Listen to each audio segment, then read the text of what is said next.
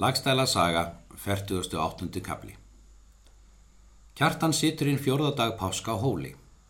Var þar hinn mesta skemmtan og gleði. Um nóttina eftir let án ítla í svefni og var hann vakin. Þeir spurðu hvað hann hafði dreymt. Hann svarar. Kona komaði mér óþekkileg og gifti mér á stokk fram. Hún hafði hendi skálm og tróg í annari.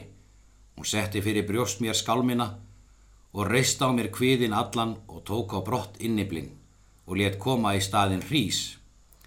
Eftir það gekk hún út, segir án. Þeir kjartan hlóu mjög að draumnum og hvaða hann heita skildu án hrísmaga.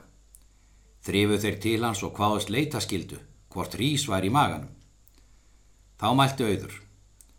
Egi þarf að spotta þetta svo mjög.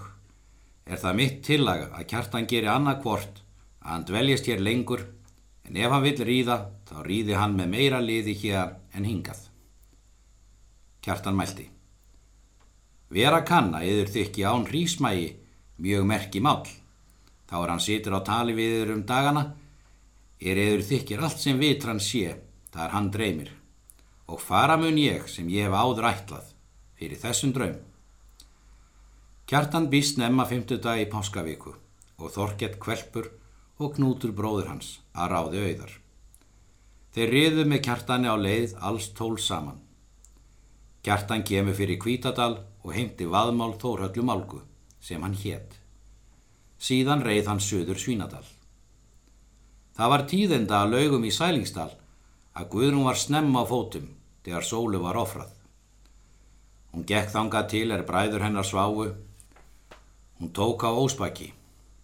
Hann vaknaði skjótt við og svo þeir fleiri bræður. Og er óspakkur kendi þar sýstur sína þá spurði hann hvað hún vildi.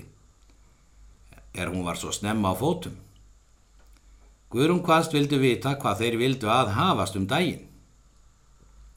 Óspakkur hvaðst myndu kyrru fyrir halda og er nú fátt til verknaðar. Guðrum mælti. Gott skaplindi hefði þér fengið ef þér varu dætur einhvers bónda og láta kvorki aðiður verða gagn ég megin. En slíka svíverðing og skömm sem kjartan hefur yfir gjört, þá sofi þér eigi að minna að hann ríði hér hjá gardi við annan mann og hafa slíkir menn mikið svíns minni.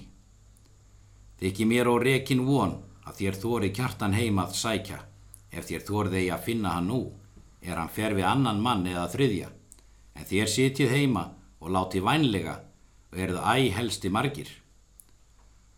Óspakur hvað hann að mikið af taka en vera ill til mótmæla og spratt hann upp þegar og klætist og hver þeirra bræður af öðrum. Síðan byggust þeir að sitja fyrir kjartani. Þá bað Guðrún Bolla til ferðar með þeim. Bolli hvað sér eigi sama fyrir frændsemi sakir við kjartan og tjáði hversu ássamlega Ólafur hafðan upp fætan. Guðrún svarar. Satt segir þú það En eigi myndu bera giftu til að gera svo að öllum þykji vel og mun lokið okkur samförum ef þú skerst undan förunni. Og við fortölur guðrunar miklaði bolli fyrir sér fjandskap allan á hendur kjartani og sakar og vopnaðist síðan skjótt og urðu nýju saman. Voru þeir fimm sinir ósvíurs, óspakur og helgi, vandráður og torráður, þórólfur, bolli hinn sjötti. Guðlurinn sjöndi, sýstursonur ósýurs og manna vænlegastur. Þar var Ottur og Steinn, sínir Þórhallu Málgu. Þeir riðu til Svínadals og námu staðar hjá gíli því er Havragíl heitir. Bundu þar hesta sína og settust niður. Bodli var hljóður um daginn og lágu uppi hjá gílst hreminum. En er þeir kjartan voru komni söður um jósindi og rýmast tekur dalurinn, mælti kjartan, að þeir þorkett myndi snú aftur. Þorkett hvaðst ríða mundu þar til er þrítur dalinn og þá er þeir komið söðurum sel þau en norður sel heita þá mælti kjartan til þeirra bræðra að þeir skildu eigi ríða lengra.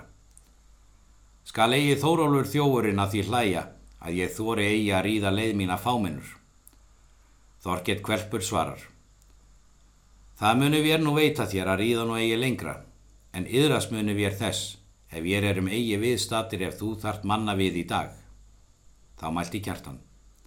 Egi mun bolli frændi minn slá banaráðum við mig, en ef þeir ósýfur sinni sitja fyrir mér, þá er eigi reynd hvori frá tíðindum eiga til að segja, þó að ég eiga við nokkur liðsmun. Síðan riði þeir bræður vestur aftur.